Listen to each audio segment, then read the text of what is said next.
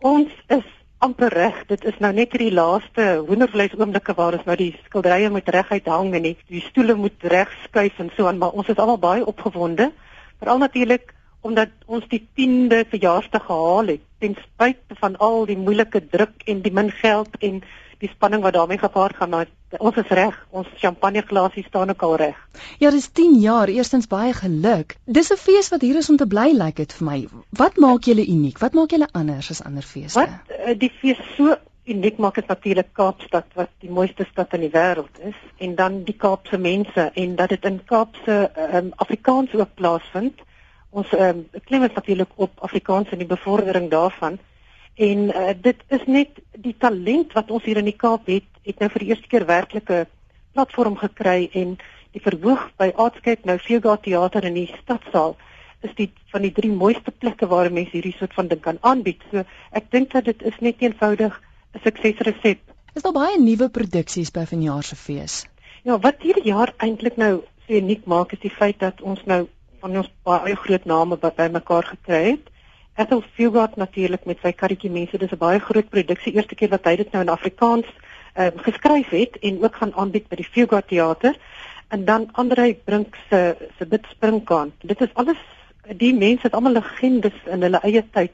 Adam Small natuurlik ook wat wat nou ehm um, met Orange Earth vir ons 'n baie baie persoonlike weergawe gaan gee. Absolute briljante teater van die mense wat daarin optree natuurlik en die mense wat dit aanbied is is werklik waar wêreldklas. Dan het ons net sommer so 'n bietjie vir vir iets heel anders nog 'n groot legende is Steve Hofmeyer met sy vier briewe vir Jan Ellis. Hmm. Met Christy Davids in die hoofrol en dit is nou sy eerste solo stuk.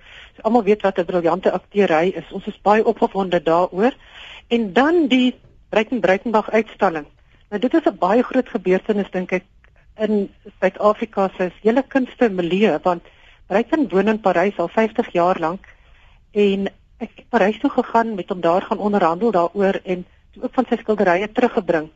Hy self en hy en Jolande het laasweek gekom met nog 'n tas vol en dit is werk wat werklik waar nog nooit in Suid-Afrika gesien is nie. Dis 'n baie persoonlike intieme uitstalling en ek dink dit is werklik een van die hoogtepunte. Ek hoop dat die uitstalling dalk nog 'n bietjie langer lewe in Suid-Afrika sal hê want dit is uniek en ek is verskriklik bang hy besluit om die kunswerke weer terug te neem Frankryk toe want dan is ek bevrees gaan ons Suid-Afrikaners dit nooit weer te sien kry nie. So die werk is nie te koop nie. Die wel is van die werk wat te koop is. Ons het die hele land deursoek vir mense wat dalk van sy werk het wat daar wat dit besit en daar is eintlik baie min. En uh, ja, hy het 10 vingerverhale soos hy dit noem. En dit is my so pragtig van dit pas so by hy sy skryf en sy gebruik van sy hande, sy vingers en verhale is natuurlik alles deel van Bruiten wat so 'n ongelooflike skrywer is. Ek dink die grootste digter wat ons seker nog gehad het. In elk geval hy is hy sê hy vir my vertel hy's 'n tweeling.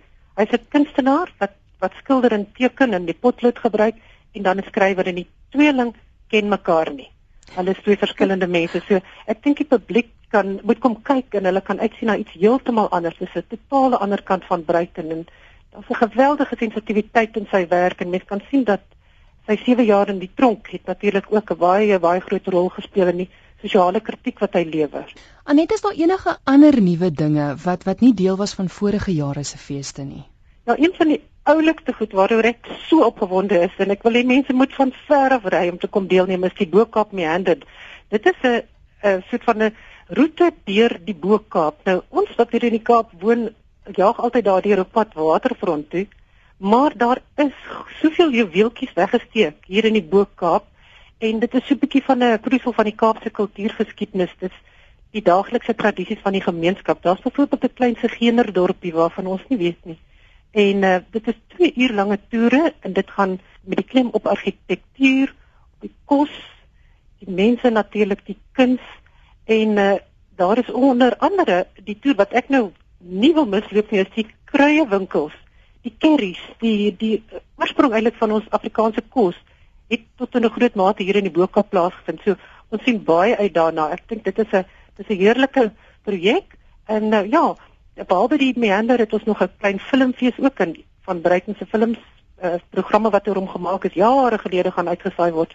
So ek dink dit is iets baie lekker om ook te gaan doen. So die hele idee is dat mense met die naweek so van die 30ste af tot die 3de 4de Februarie moet hulle kom aardskep toe kom.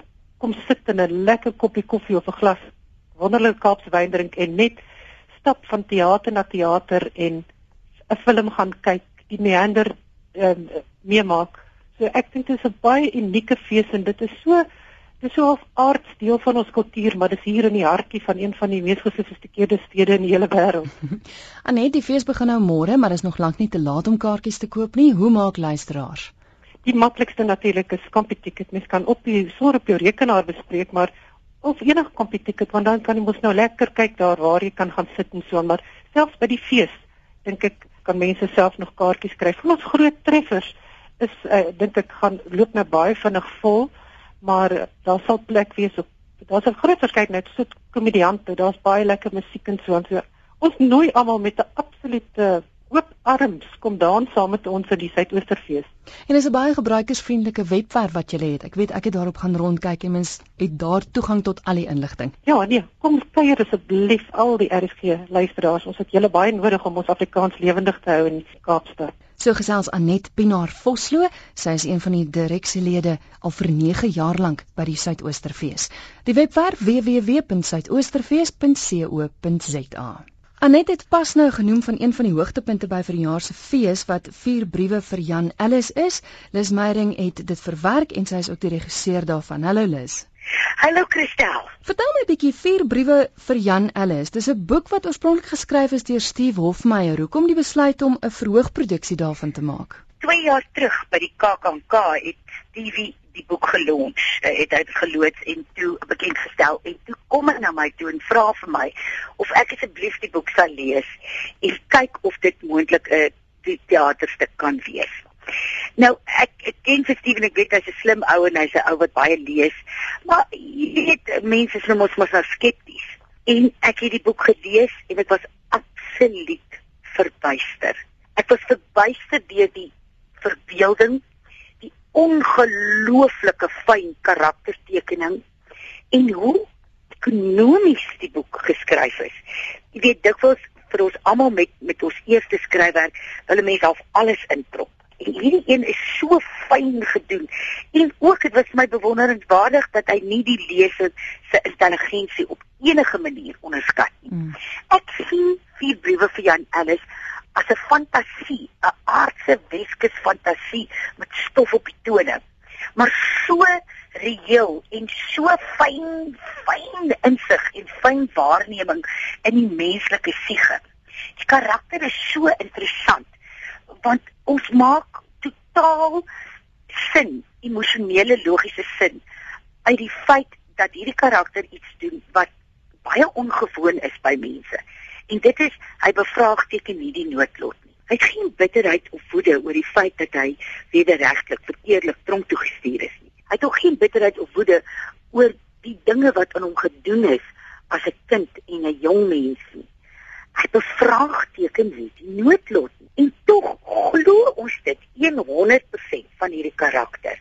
Hy is bovenal 'n oorlewer en um, tipies van 'n kind wat in 'n weerlose situasie is of 'n jong mens wat in 'n weerlose situasie is, is hy ook maar 'n bietjie van 'n manipuleerder om sy situasie so leefbaar en so um, aanvaarbaar vir homself as moontlik te maak. Dis 'n fascinerende allegorie vir Suid-Afrika. En sy humor, humor wat daarin is wat teen die pathos afspeel, maar dit word nooit die pathos is nooit in immers nie. Dis fyn, dis fyn, dis dis dis dis is teelepel vir teelepel. En die humor is daai lekker gitswart Suid-Afrikaanse ek noem dit die humor van oorlewing. Christo Davids is die akteur wat die rol vertolk. Ja. Hy's dan maar een van ons land se bestes. Christo is verbuisterend. Christo is baie intelligent. Hy's baie hardwerkend. Hy's baie instinktief. Hy's baie nederig. Christo glo niks van die, jy weet, publisiteit nie en ek dink altyd dis een van die gevaarlikste goed enige speler in hierdie land omdat dit maar 'n klein landjie is en jy weet dit miskien nou maar 'n kleiner pool van van spelers is om om ego eers te sit en dan die vertolking te doen hy verstaan so goed dat ons is net 'n kanaal om 'n storie te vertel. Kyk, die karakter in die boek is 53 as hy uitkom. Christus is 30, maar omdat hy alles leef deur die verlede, sy observasies en hoe hy gevoel het en so aan moes ek fyn kyk na wie kan daai al daai ouderdomme van 'n 10-jarige kind tot 'n man van 53 speel. En wat my baie mooi is van Christo is hy is net soos George Jan Ellis Kok die karakter. Hy's 'n verskriklike fyn observeerder. 'n Baie goeie storie verteller. En hy het vir homself dis sy eerste solo stuk wat natuurlik baie vrees aan jaande ding altyd 'n vrees aan jaande ding. Hy het homself 'n paar stink veiligheidspunte ingewerk. Uh die die tips wat hy dra is sy oupa die ewe beroemde akteur Goliath Davids wat verlede jaar oorlede is, ek tips. Die broek is sy pa se, die tas is sy oupa se. Ja. Maar dit pas toevallig perfek vir die karakter want dit speel in die laat 60s, vroeë 70s af en spring dan na 2009. So dit is my daar's vir my 'n mooier, dieper hommage wat wat Christus daar gee aan sy oupa. Julle is nou te sien by die Suidoosterfees, maar ek neem aan dis nie die einde van die storie nie. Ja. Uh dit is by die Suidoosterfees op die 1 Februarie. Vrydag, binnekort 6:00 die aand, dan die Saterdag die 2 Februarie 7:00 die aand en die Sondag die 3 Februarie 2:00 die middag. Dit is die laaste opvoering by die Suidoosterfees. Daarna gaan dit uh, uh, definitief 'n um, woordfees toe. Ons het besluit om dit nie KAKNK toe te vat vir jaar nie omdat Christo ander werksverpligtinge daai tyd het. Mm -hmm. Dan gaan dit ook Cederberg fees toe en ek moet sê die versoeke vir die produksie stroom in. Dit is 'n moeilike tyd vir Christo want uh, Ellen Pakkie speel ook mm -hmm. wat hy en Benet Ebrahim doen uh by die Suidoosterfees op die Saterdag. As ek reg onthou, dink ek is dit 3:00 in die middag maar hy's 'n tawe ouetjie en hy's baie gedissiplineerd. Hy's 'n vrou, weet. Christo kan kan dingetjies onderskei en elke produksie in 'n spesifieke kassie sit. Dis Liz Meyering met wie ek gesels het. Volgende gesels ek met Saartjie Botha en ons gaan gesels oor een van die verwerkings waarvoor sy verantwoordelik is by die Suidoosterfees. Anet het ook vroeër daaroor gepraat, Bid Springkaan. Saartjie, dis 'n boek van Andrei P Brink. Hoekom 'n verwerking juis van die boek? Weet jy dit is um, dit is my baie spesiale opdrag gewees het dit gekom van professor Jacques Gerwel um, wat wat intussen oorlede is en dit was dit is een van sy gunsteling boeke en hy het gevoel vir die tiende Suidoosterfees moet dit vir die verhoogverwerking opgevoer word. En ehm um, ek is 'n geweldige vlei geweest toe hy my vra en toe ek ek het die boek nie van tevore geken nie en tot my skaamte moet ek dit nou erken.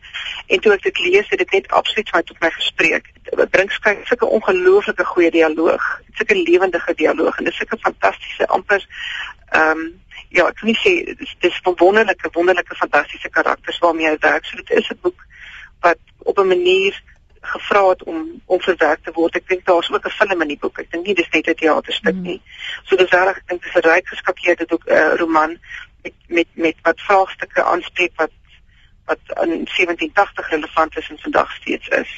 Dit word beskou as een van Brink se beste romans. Dis bekroon met onder andere die Mnet Prys asook die Universiteit van Johannesburg se prys vir skepende skryfwerk.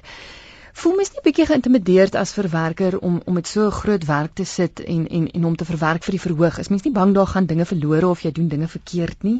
Ja.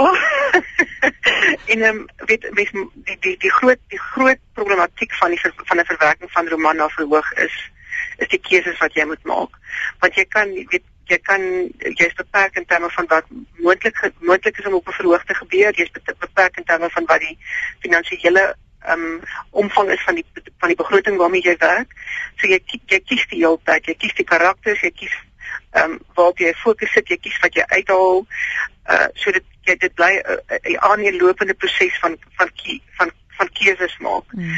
Um maar maar as 'n mens met goeie materiaal werk, dan so intimiderend soos wat dit is, so soveel makliker is dit ook.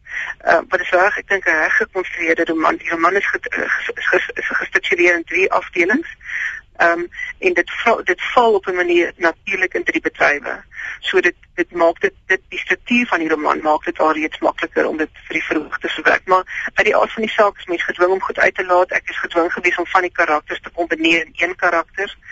Ehm um, en mens, mens moet maar sulke goeders doen. En ek persoonlik is nie presies 'n voorstander van akteurs wat dubleer nie. Maar hierdie hierdie roman oorspan eh, 'n uh, hele 'n hele leeftyd van iemand.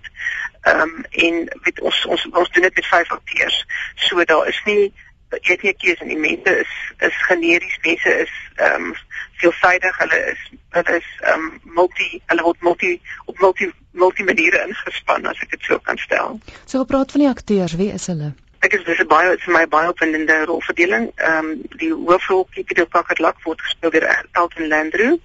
Dan speel die Anne van Rooi, sy vrou en sy ma en sy se verteller. Gys de Villiers speel feitelik al die mans in die boek. Ehm um, Crystal dan Crystal van Robert speel Kipido se tweede vrou en sy's ook 'n verteller en dan is Gideon Lombard eerwaarde Reed, uh, die sendeling um, wat wat wat soort van vir Kipido op sy weg neem.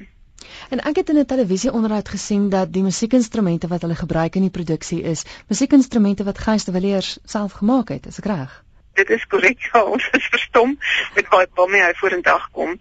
Ehm um, en ons het daar 'n paar tradisionele Afrika instrumente, maar ehm um, omdat dit dit is so dis dis dis 'n tydperk wat hoegenaamd nie gedokumenteer is nie. So mens mens mens met jou verbeel en jy moet jy moet kreatief wees en vindinge wees en Gys het net met met met wonderlike konkoksies in konstruksies vorendag gekom waar uit hy 'n hele 'n hele ryk klanklandskap kon skep.